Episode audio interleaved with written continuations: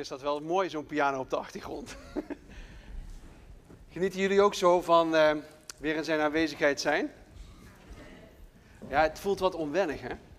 Het voelt wat... Oh, jullie gaan er vandoor. Ja, gelijk heb je. Goed. Goedemorgen allemaal. Het, uh, goed om jullie allemaal weer te zien. Goed om weer in jullie midden te zijn. En lekker dat het zo vol zit. Tenminste, het begint vol te stromen, heb ik het idee. En dat is goed om dat te, te hebben met elkaar. Uh, ook wij in Limburg hebben corona uh, achter de rug. Uh, dus wij hebben ook van alles meegemaakt, maar jullie zeer zeker ook. Maar ik merk dat het een beetje onwennig is om weer in de kerk te komen. Hebben jullie dat ook? Dan kom je binnen en denk je, ja, hoe was dat nou ook alweer? En dan komt er een... We hebben geen collecte gehad. Er komt nog. Oké. Okay. En dus komt straks de collecte langs en dan denk je, ja, wat moet, wat moet ik nou met dat zakje doen? Ja, dan moet je wat instoppen. En uh, dan ben je aan het aanbidden. En hoe ging dat nou ook alweer precies met die handen? Sommige mensen die aanbidden misschien wel thuis hè, met hun handen omhoog. Maar ja, hoe werkt dat nou ook alweer precies? En dat weer opnieuw naar de kerk gaan, ik merk dat ook in onze eigen gemeente, dat is best wel een dingetje. Weet je, wel? je moet echt weer aan dingen wennen. En weet je wie dat echt hier voelen? Dat is het aanbiddingsteam. Klopt dat? Ja. En jullie doen geweldig, jullie hebben echt de, worship geweldig geleid. Heel erg dank daarvoor. Want dat, dat helpt ons om ook te ontvangen van de Heer. En hij kan soms door, het, door de aanbidding spreken, door een lied wat net gezongen is, wat je net nodig had. Hij kan door het woord eh, werken. Hij kan door een handdruk werken. Dat hebben we nu ook gemerkt. Sommige mensen vinden dat al prettig, sommigen nog niet. Ik zag mensen ook al even huggen. En heeft er ook iemand gekust? Ah, goed zo. Ja, beleid het maar, broeder. Heel goed. En, eh, maar we moeten weer aan alles wennen, weet je wel. Het is, het is wat eh, onwennig. Maar het is zo belangrijk om weer opnieuw in zijn aanwezigheid te zijn. En samen met, met elkaar kerk te zijn, de kerk te bouwen, kerk verder te helpen. En ik denk dat het heel belangrijk is dat als je dat nog niet doet, maar in ieder geval voor jullie leiders te bidden. voor broeder en zuster Kelly, die de gemeente ook door deze periode geleid hebben, samen met het bestuur. Um, bid voor hun, want het is lastig. Want iedereen heeft een mening, iedereen heeft een wens, iedereen heeft een gedachte, iedereen heeft een. Nou ja, vul het allemaal maar in. Zoals we hier allemaal zitten, we hebben er allemaal ideeën over. Maar zij moeten de gemeente door deze periode heen leiden. En bid voor hun dat ze daarin de wijze besluiten maken. En misschien is het wel dat je denkt, ja, maar ik had dit zo gedaan of ik had dit zo gedaan. Maar God heeft hun aangesteld. Dus bid voor ze, bemoedig ze, uh, versterk ze. En uh, wees, daar, wees daarin trouw om dat te doen. Zullen we dat afspreken? Zo, dit was de opgeven vinger. We gaan naar Gods woord. En ik heb zo'n zin om uh, dit woord met jullie te delen. Uh, we gaan lezen in het Oude Testament en een tekst uit het Nieuwe Testament. We gaan lezen in 2 Koningen 4, vers 1 tot 7. Ik zal lezen uit de basisbijbel. En als het je lukt, dan zou ik willen vragen of je wilt gaan staan. Zoals de Weet je wat, dat deden we ook, hè? Als we het woord gingen lezen, dan gingen we weer staan. Even wennen, oké. Boven mijn stukje, daar staat Elisa en de weduwe. De vrouw van een van de profeten kwam Elisa om hulp vragen. Ze zei, mijn man is gestorven en u weet dat hij diep ontzag voor de Heer had. Nu is het zo dat we nog schulden hebben bij iemand, maar we kunnen hem niet betalen. Nu komt die man, dat is die schuldenaar, die komt om mijn twee kinderen als slaaf mee te nemen. Elisa vroeg aan haar, maar wat kan ik voor je doen? Vertel me wat je in huis hebt. En de vrouw antwoordde, ik heb niets in huis. Ik heb alleen een kruik olijfolie. En toen zei Elisa, ga naar huis en vraag aan al je buren om zoveel mogelijk lege potten en kruiken. Ga dan met je zonen naar binnen, doe de deur achter je op slot Giet dan de olie in al die potten en kruiken en wat vol is, moet je wegzetten. Ze ging met haar zonen naar huis en deed de deur achter zich dicht. Haar zonen zetten steeds de kruiken en potten bij haar neer en zij goot er olie in. En toen alles vol was, zei ze tegen een van haar zonen, breng me nog een kruik. Maar hij zei, er zijn geen kruiken meer. En toen was de olie in het kruikje op. Ze gingen het aan Elisa vertellen en hij zei, verkoop die olie, dan zul je genoeg geld hebben om die man te betalen. En wat er overblijft, is genoeg voor jou en je kinderen om van te leven. Tot zover. En dan het tweede gedeelte uit Romeinen 8, vers 37. Maar in alle moeilijkheden zijn wij meer dan overwinnaars. Kijk, dat zit er nog goed in. Dankzij Hem die van ons houdt. Want ik weet zeker dat geen dood of leven, geen engelen of duivelse machten, geen enkele macht, geen dingen nu of in de toekomst, geen macht uit de hoogte of uit de diepte, nee, niets op deze aarde ons zou kunnen losmaken van de liefde van God. Amen. Amen. Neemt u plaats. Vorige week was er een doopdienst. Negen dopelingen. Ik was boef. Geweldig. Zijn de, dopelingen, zijn de dopelingen ook nog hier? Stik eens even je hand op. Kijk of ik je nog... kan zijn dat je hebt laten dopen dat je dacht, daarna kom ik niet meer terug. Maar heel goed dat je er weer bent. En zo dapper dat, uh, dat er besluiten zijn genomen voor Jezus. En ik was de getuigenissen terug aan het luisteren. En ik was zo geraakt, want je merkt ineens dat God op heel veel verschillende manieren kan spreken. Er was iemand, hij die zei dat. Heidi, ben jij hier of niet? Nee, Heidi is niet hier. Maar hij die zei, er was een mens die tegen mij sprak. Ik dacht, zo, een mens. Um, iemand anders die vertelde dat God hem al jaren geleden een droom heeft, had gegeven. Volgens mij was dat Daniel. Daniel die zei dat. God had al jaren geleden een droom gegeven dat een leeg graf was. En ik zag Jezus. Uh, Kenny, Kenny was er ook, die liet zich ook dopen. Die was niet christelijk opgevoed. Maar hij zei, ik wil, één ding wil ik weten. En ik wil zeker weten of God bestaat. En God sprak heel persoonlijk tot hem. En toen wist hij, God bestaat. Er was ook een, uh, een jonge dame en die zei van, uh, de boze machten die hadden me gegrepen, die wilden me af van Jezus houden. En je zag in al die getuigenissen, er was ook een jonge man die zei, ik was al jarenlang was ik hier in de kerk gekomen, maar ik heb uiteindelijk zelf een keuze voor Jezus moeten maken. Komen de getuigenissen een beetje terug? Maar je zag in elk getuigenis de hand van God. Dat God op een andere manier met iemand werkt. Op een persoonlijke manier met iemand werkt. En zo is het voor jou en voor mij net zo. Leg niet het getuigenis van de een op jouw leven of op jouw verhaal. Want God gaat met jou een persoonlijk verhaal. Hij schrijft met jou een uniek en een persoonlijk verhaal. Helemaal custom made, wat bij jou past. Maar hij zal altijd wijzen richting Jezus. Hij zal altijd de richting opgaan richting Jezus. Nou, daar wil ik het niet over hebben, maar die krijg je er gratis bij. Goed? Oké. Is het mogelijk dat ik wat water krijg? Want ik heb een beetje een droge mond. Dus als iemand daarvoor zou willen zorgen, zou ik ze eeuwig dankbaar zijn. Geen olie, zo uit het verhaal, maar water. Dat is voldoende. Wat gebeurt er in dit verhaal? Elisa ontmoet een weduwe. En deze vrouw is alleenstaand. Ze heeft twee zonen. En zij heeft een schuld die ze niet kan vergoeden. Ze kan onmogelijk aan de schuld voldoen. En volgens de Joodse wet gold dan dat haar twee zonen moesten worden overgedragen aan de schuldeiser. Stel je dus eens voor, je hebt je man verloren. Het verhaal vertelt niet hoe, hoe lang geleden dat, dat was gebeurd. Maar nu stond ze ook op het punt om haar zonen kwijt te raken. En als ze dat kwijt had geraakt, dan, ja, dan zou het ook moeilijk worden om eten te kopen en haar onderhoud te voorzien. Nu konden haar zonen daar nog bij helpen. Maar de paniek sloeg toe. Kunt u zich dat voorstellen, dat je dat ineens te horen krijgt, hangt een schuld boven je hoofd. Je weet niet hoe dat je de eindjes aan elkaar moet knopen. En helaas komt het in Nederland ook voor, maar in dit verhaal, bij deze vrouw, ze was haar man verloren en ze had haar twee zonen. En ze stond op het punt om deze twee zonen kwijt te raken.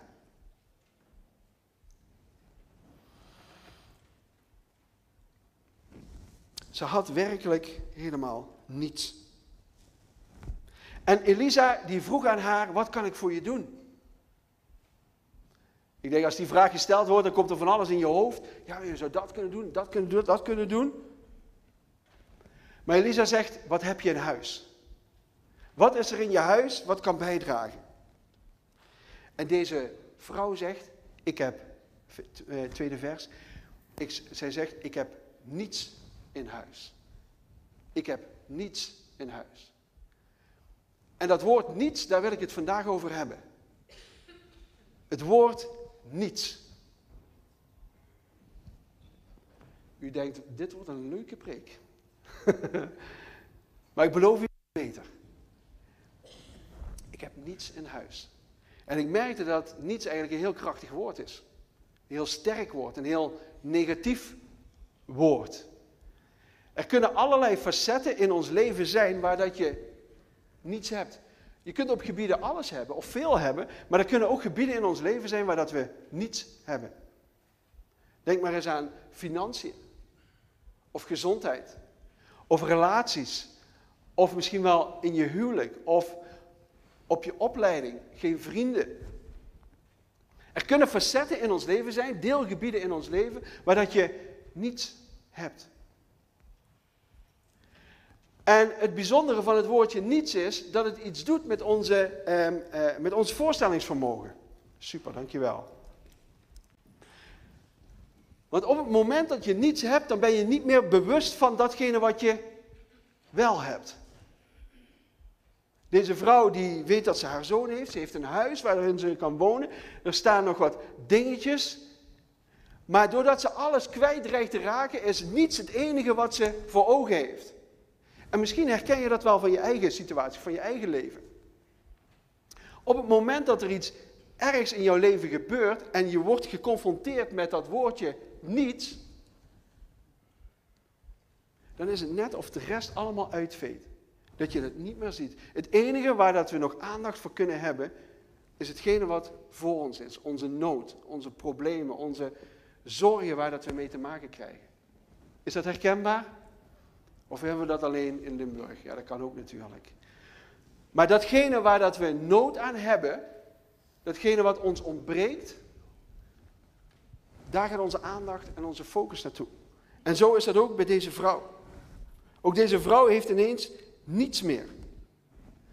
En de afgelopen periode was dat ook zo. We konden of we mochten niets meer. En het enige wat we konden denken is, kon ik nog maar eens even op het terras zitten? Wie heeft er pas geleden pas weer lekker op het terras gezeten? Ik gisteravond nog. Heerlijk was dat. Maar je kon niets meer. Mijn vrouw kon niet meer naar de action toe. Vreselijk. Het begindag is leuk, maar ja, als ze dan op een gegeven moment echt niet meer naar de action kan, ja, dan, dan, ja, dan kropt dat op, hè? Ja. Um, maar even een serieuze noot, we konden ook niet onze familie, onze vrienden. We konden niemand meer vastpakken. We konden geen kus meer geven. We konden geen handdruk meer geven. De gewone menselijke dingen. Het was ons ontnomen. Het was weg. En dan zie je ineens wat niets kan doen in je leven. Dan zie je ineens wat voor impact het zelfs op de maatschappij en onze samenleving heeft. En zo zegt deze vrouw tegen Elisa, ik heb niets in huis. Ze ziet niet meer dat ze een huis heeft. Ze ziet niet meer dat ze haar zonen heeft. Ze ziet niet meer dat ze mensen om haar heen heeft. Want ze maakt deel uit van een priesterfamilie of een, ja, een priesterhuis of een, een profetenhuis, zo moet je het zeggen.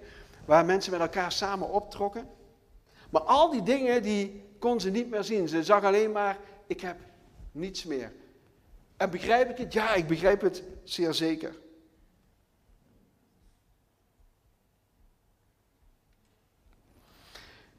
En de schuld die boven haar hing was groter dan wat zij in haar hoofd kon hebben, wat de oplossing zou kunnen zijn. En dat woordje niets kan ook wel een bepaalde plek in jouw leven hebben, of juist niet hebben, maar je kunt ook op het gebied van je geloofsleven je bent hier misschien in de zaal en de liederen worden gezongen, maar het lijkt wel alsof er niets meer zit. Alsof het weg is, of dat het koud is geworden, of dat het weer opnieuw aangezet moet worden. Er is misschien iets in je hoofd of in je omgeving of met je familie aan de hand, waardoor dat het moeilijk is om dicht bij Hem te zijn. Maar Elisa doet iets bijzonders. Hij vraagt, maar wat heb je wel in huis? Er is altijd iets waar dat God mee kan werken. Of het de vijf broden en de twee vissen zijn. Of het een kribbe is waar dat Jezus ingelegd werd. Er is altijd iets waar God doorheen kan werken. En zij zegt, ik heb nog een kruikje met wat olie. Dat is het enige wat ik nog heb. En lieve mensen, het is zo belangrijk om olie in je huis te hebben. Geen olijfolie, maar de olie van de Heilige Geest. Het is een type beeld van de Heilige Geest. Al is er maar een beetje in jouw leven, God is in staat om daarmee te werken en meer te geven en meer te geven en meer te geven. God wil werken met datgene wat er wel in jouw huis is. Maar doordat je gericht bent op wat je niet hebt, of wat je niets hebt, geef je God niet de gelegenheid om te werken met wat er wel is. En daarom moest er iemand van buiten afkomen, een profeet, een godsman, die moest zeggen, maar wat heb je wel in huis? Herken je dat? Soms zit je zo vast in je situatie en dan kan er ineens een broeder of een zuster of een vriend of een vriendin zijn, of misschien wel je ouders of je kind, die in één keer iets zegt en in één keer wordt het wakker. En kan God gaan werken. Hm. Zij uh, gaat met die olie aan de slag. Ze moet allemaal potten, pannen, uh, overal vandaan halen. Ik denk in onze tijd, dan zou iedereen met Tupperware aankomen, weet je wel. En zorgen dat het... Maar er komen allerlei potten, pannen, dekseltjes, van alles komt er voorbij. En die zoons die moeten dat gaan halen. En dan moet zij haar deur op slot doen. Dat vind ik gek. Waarom, waarom staat dat in dat verhaal? Waarom moet ze haar deur dicht doen? Ik geloof dat soms God dingen in de intimiteit met Hem wilt geven. Net toen we aan het aanbidden waren, ik vond het zo mooi wat je deed. Je zocht even dat intieme moment met God op, waarin God direct even die interactie, die, dat contact met jou en mij kan maken. En zij moest haar binnenkamer sluiten. Ziet u hoeveel waarde en gewicht de woorden van Jezus ook hadden? Als u bidt, doe het dan niet op de hoek van de straat, maar zorg dat u naar uw binnenkamer gaat, sluit uw deur en bid. Die intimiteit, die binnenkamer, daar gebeurde het. Daar wilde God dat wonder doen. Niet daar waar iedereen het zou zien, niet waar iedereen het zou waarnemen, maar in die binnenkamer wilde God het wonder doen. Ja, maar het is veel toffer als het in de dienst gebeurt, weet je wel, en dan geef je je over en zo. Nee, deze tijd heeft ons geleerd dat ons geloof begint in de binnenkamer, in jouw eigen huis. Met je twee zoons, de binnendeur dicht en Gods intimiteit zoeken.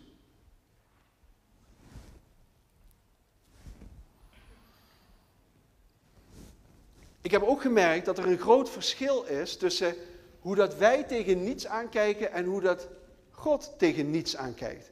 Op het moment dat wij het gevoel hebben dat er niets is, dan is eigenlijk het moment dat God begint te werken.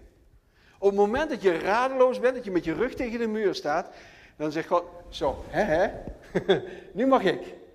Nu ga ik aan het werk. Nu kan ik in beweging komen. Het is alsof God daar iets mee wil zeggen. En ik vertelde net in de tekst van Romeinen 8, vers 37 en 39, daar staat, nee, niets op deze aarde zal ons kunnen losmaken van de liefde van God. Gods niets of ons niets, is eigenlijk Gods alles. Op het moment dat wij dat niets ervaren, is God in staat om alles te gaan geven. Ik ben een beetje ingedoken, maar het is, het is waanzinnig wat daar eigenlijk staat. Kijk, wij richten ons veel meer op de omstandigheden, op de dingen die ons gebeuren. Maar God is veel meer geïnteresseerd in jouw positie, jouw plek ten opzichte van Hem. Hij is niet zo bezig met die omstandigheden allemaal. Maar hij wil die relatie, hij wil die intimiteit met jou hebben. Vandaar die binnenkamer, dicht doen. Hij is veel liever betrokken bij datgene waar dat jij in zit, waar dat je bij bent. Waar dat je, hij wil dat contact met jou maken.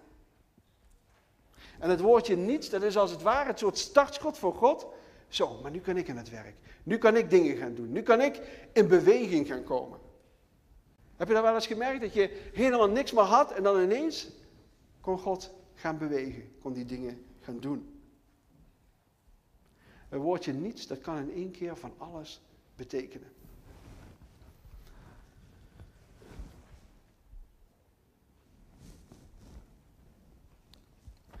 Ik uh, moest even terugdenken aan onze vakantie. Zijn er een paar mensen op vakantie geweest? De zon opgezocht? Kijk, waar ben je naartoe geweest? Goed bezig, goed bezig. Zuid-Frankrijk. Wij waren naar Italië geweest, Zuid-Italië, maar onze auto ging kapot. Ja, dat was niet zo leuk. En ehm, eh, we waren op de terugweg. Wie kent de Gotthardtunnel? Ja, daar stonden wij 50 meter voor. Vreselijk. En wij hebben een Volkswagen Touran uit 2004. Eh, nou, ik moet eigenlijk zeggen, we hadden een Volkswagen Touran uit 2004. En wij stonden langs de kant van de weg. En wij hadden werkelijk niets meer. De auto deed het niet meer, die ging niet naar voren, niet naar achteren. Ehm, de kinderen hadden na vijf en een half uur een bepaald level bereikt waar ik van denk, heer als u terug wilt komen, dan is het misschien nu het goede moment. En we hadden geen eten meer, we hadden geen drinken meer. De ene Porsche naar de andere Porsche kwam voorbij, want we zaten natuurlijk in Zwitserland. Prachtige auto's en die reden allemaal natuurlijk. Papa doet die auto het van ons echt niet. Nee, ik zeg, er, gaat, er is geen meter naar voren en naar achter. Vijf en een half uur stonden we daar stil. Was niet zo leuk. en um, ja, natuurlijk bid je dan. Maar ik weet niet hoe het met u is, maar heb je ook wel eens als je bidt, dat er toch iets in je hoofd zit, ja, maar het zal wel niet gebeuren. Wie bidt er wel eens zo? Ja, ja, kijk, kijk, eerlijke mensen hier in de zaal, goed zo, nee, over. Ik had dat ook. Dus wij baden, Heer, wilt u alstublieft een oplossing geven? Want we hebben nu niks meer. We hebben geen eten, we hebben geen drinken, we, geen tankstation. Sleepdienst is onderweg, maar die blijft maar weg. Gebeurde werkelijk helemaal niets. En we hadden aan het begin gebeden en ik denk, ja, vijf en een half uur, heer, het is nu best wel tijd om iets te gaan doen. het werd donker. We wisten niet of we een hotel konden gaan vinden. Nou ja, allerlei scenario's. Uh, ik denk, we moeten hier aan de kant van de weg slapen. Weet je, alles kwam voorbij. De kinderen, het geduld uh, uh, was weg, bij ons ook. En toen gebeurde er iets bijzonders. uiteindelijk is er gelukkig een sleepwagen gekomen, maar er kwam een vrachtauto voorbij, zoals nog een paar miljoen vrachtauto's. Maar er kwam een specifieke vrachtauto voorbij. En die zag ons daar staan en het raam ging open. En hij hield een fles koud water uit de deur. Hij zegt, hebben jullie water nodig? Ik zeg, ja, we hebben water. We hadden echt, we hadden niks meer. En mijn zoontje die, uh, van 13, die rende daar naartoe, die pakte die fles water.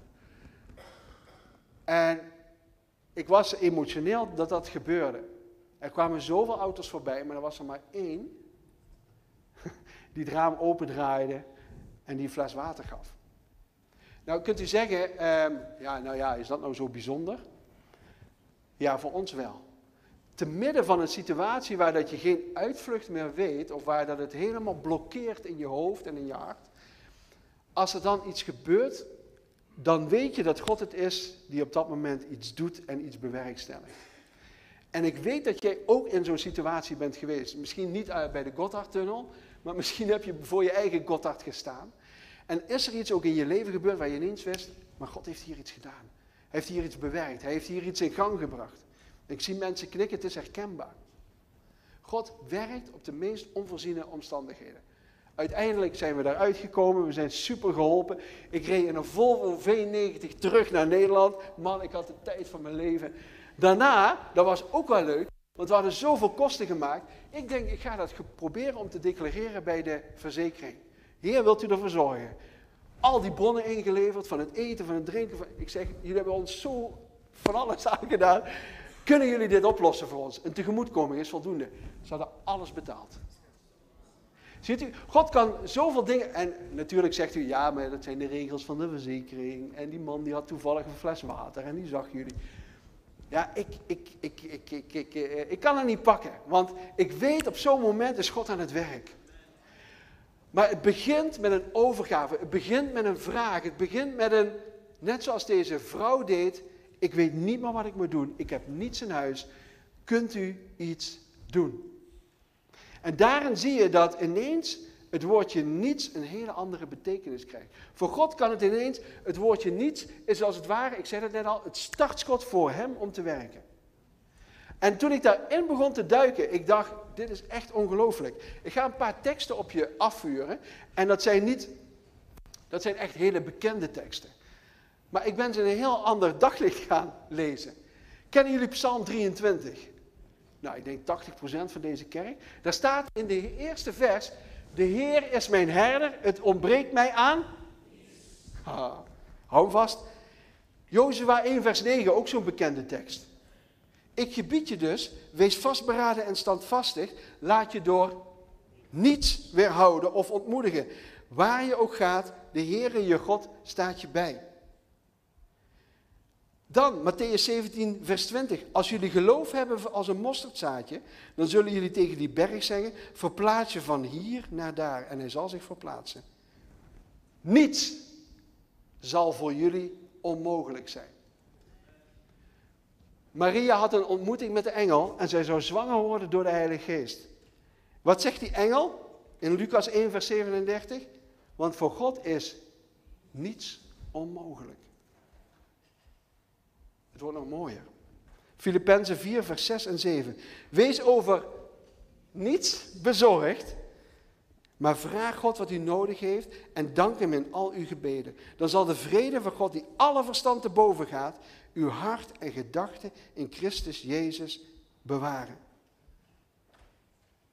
Wat zeggen nou al deze dingen? Zijn dat mensen die tot ons spreken? Is het een gesprek van man tot man? Is het een, gebed van een man tot God? Nee, het is God zelf die tegen jou en mij zegt: wees over niets bezorgd. Voor God is niets onmogelijk. Laat je door niets weerhouden of ontmoedigen. De Heere is mijn herder, het ontbreekt mij aan niets. Ziet u hoe mooi dat Gods niets is? Gods niets is voor ons alles. Op het moment dat wij denken er is niets, dan zegt God, ja maar met niets ga ik iets doen. Ik ga je daar alles voor teruggeven. Ik laat je niet ontmoedigen. Ik laat je niet aan de kant zetten. Het zal je aan niets ontbreken. In al die dingen zal ik alles aan je geven en je toegeven. Daar was ik ook zo geraakt door die tekst uit Romeinen 8, vers 37. Nee, niets op deze aarde zal me kunnen losmaken van de liefde van God. Het is eigenlijk net zoals in het huwelijk. Als je tegen elkaar uitspreekt, we hebben de belofte dat niets ons zal scheiden. Niets zal ons scheiden. Niets zal ons losmaken van elkaar.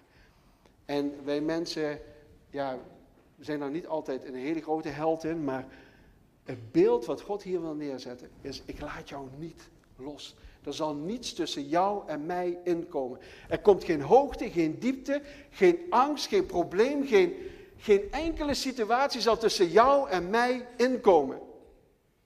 Ik breek daar doorheen. Ik zorg dat ik je vasthoud. In de omstandigheden waar u en ik doorheen gaan. Niets zal mij afhouden om mijn liefde aan jou te geven. Niets zal mij afhouden om mijn zoon naar deze aarde te sturen om voor jouw zonde te sterven. Niets zal daar tegen ingebracht worden.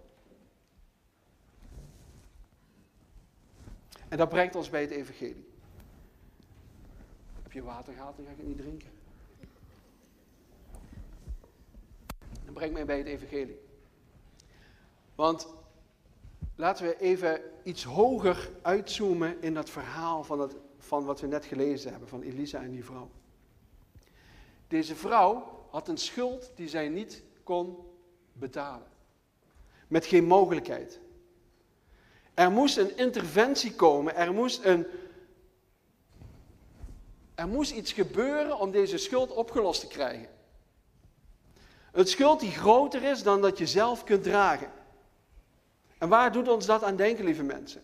Ook wij allemaal, u, jij en ik, of je nou minister-president bent, of je bent de, de koning, of gewoon hier een Eindhovenaar of een Limburger. Allemaal dragen we een schuld met ons mee die we niet kunnen vergoeden. De Bijbel spreekt over de schuld van de zonde. De zonde maakt een breuk tussen God en tussen mensen. Het is een schuld die wij zelf niet kunnen vergoeden, die wij niet kunnen betalen, met geen mogelijkheid. En daarom is er een redder van buitenaf nodig. Elisa moest komen om de situatie van deze vrouw op te lossen. Hij zelf lost hem niet op, dat was, was Gods werkende kracht. Maar zo is dat voor jou en voor mij ook. Ook wij allemaal lopen met een schuld die we niet kunnen vergoeden, onmogelijk kunnen betalen.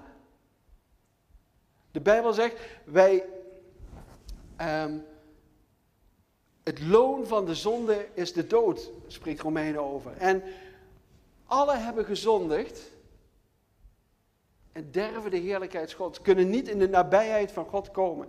Allemaal zoals we hier zitten, niemand uitgezonderd.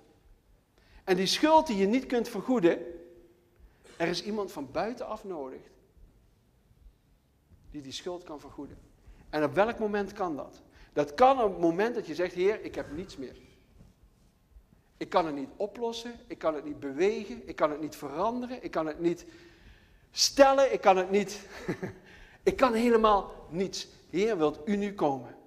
Wilt u dit in mijn leven doen? Wilt u dit veranderen? Wilt u dit bewegen? Wilt u dit mooi maken en heel maken? En dat is het moment dat God kan gaan geven. Dus als we iets uitzoomen, er is een schuld die je niet kan betalen. Op het moment dat je de schuld niet kan betalen, loopt het slecht met je af. Deze situatie loopt slecht af als de schuld niet betaald wordt. Maar wat de Heer geeft is zo bijzonder in dit verhaal. Hij geeft zoveel olie dat ze haar schuld kan aflossen en ze kan ervan leven. Als God herstel brengt in jouw leven, dan brengt hij herstel, maar hij geeft perspectief om verder te leven. Hij geeft een toekomst waar dat je naar uit mag zien. Hij geeft een verandering in jouw leven die je verder gaat helpen.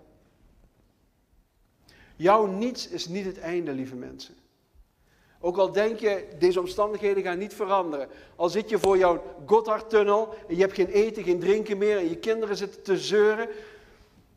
Dit komt mijn tenen. Um, maar als je in die situatie zit, dat is het moment dat God kan gaan werken. En dat hij gaat bewegen en dat hij nieuwe dingen kan gaan doen in jouw leven. Het waren de vissers die hun netten ophaalden en zagen dat er geen vangst zat. En toen begon de Heer te werken en hij zei, gooi je netten aan de andere kant. Ze gooiden hun netten aan de andere kant en ze haalden de volle oogst haalden ze binnen. Elke keer als er niets is, dan is God aan het werk. De vrouwen die naar de grot kwamen, naar het graf kwamen van Jezus, ze renden daar naartoe, ze wilden hem verzorgen. Ze zagen het graf. Wat was er in het graf? Niets. Jezus was op een andere plek. En daar waar jij in jouw niets aan het zoeken bent, Heer, wilt u hier iets doen? Wilt u hierin bewegen? Wilt u hierin de dingen veranderen? Misschien is Jezus op een andere plek voor jou al aan het werk. En God gaat het openbaren aan jou en aan mij. Dus laat me je tenslotte bemoedigen. Hou vast. Ook al weet je dat de situatie misschien wel met niets te maken heeft. Dat de schuld die boven je hangt te groot is. Er is altijd een redder en een verlosser. En zijn naam is Jezus Christus. En Jezus Christus alleen. Amen. Amen. Ik zou nog heel graag voor jullie willen bidden. Mag dat, uh, Pim? Ja. Zou u willen gaan staan?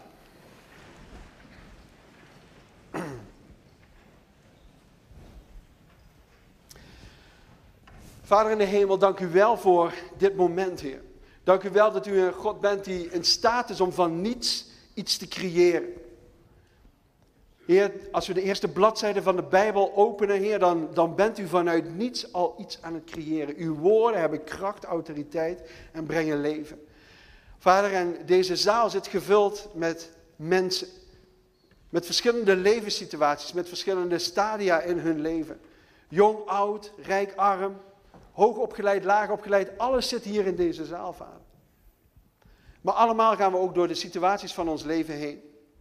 We worden geconfronteerd met ziekte, met nood, met verdriet, met verlies van relatie, van positie, van werk. Vader, maar vandaag hebben we gehoord dat, dat u juist met hetgene waar dat wij niets in hebben, dat u alles kunt gaan doen. Vader, ons niets is uw alles. En uw alles is ons niets. Vader, in al deze dingen bent u werkzaam aanwezig. En daar wil ik bidden, Heer, voor elke situatie van elke man, elke vrouw, elk gezin, Heer, wat hier aanwezig is. Vader, wilt u met uw kracht, met uw zalving, met uw autoriteit komen? Want er komt een moment dat er iemand voorbij komt. Dat hij spreekt, dat er beweegt, dat u ingrijpt in de situatie. Heer, en help ons om trouw te zijn, vast te houden aan uw woord en aan uw belofte. Vader, en ik wil u zegen bidden over in ieder van ons. Heer, als het uitzichtloos is geworden, dat ze weer opnieuw perspectief hebben gekregen, want u werkt altijd door, Vader. Heer, u bent in alles en met alles. Vader, dat bidden we in Jezus' naam. Zo leg ik uw zegen, Heer, op in ieder van ons. En wilt u met ons meegaan in de naam van Jezus. Amen. Amen.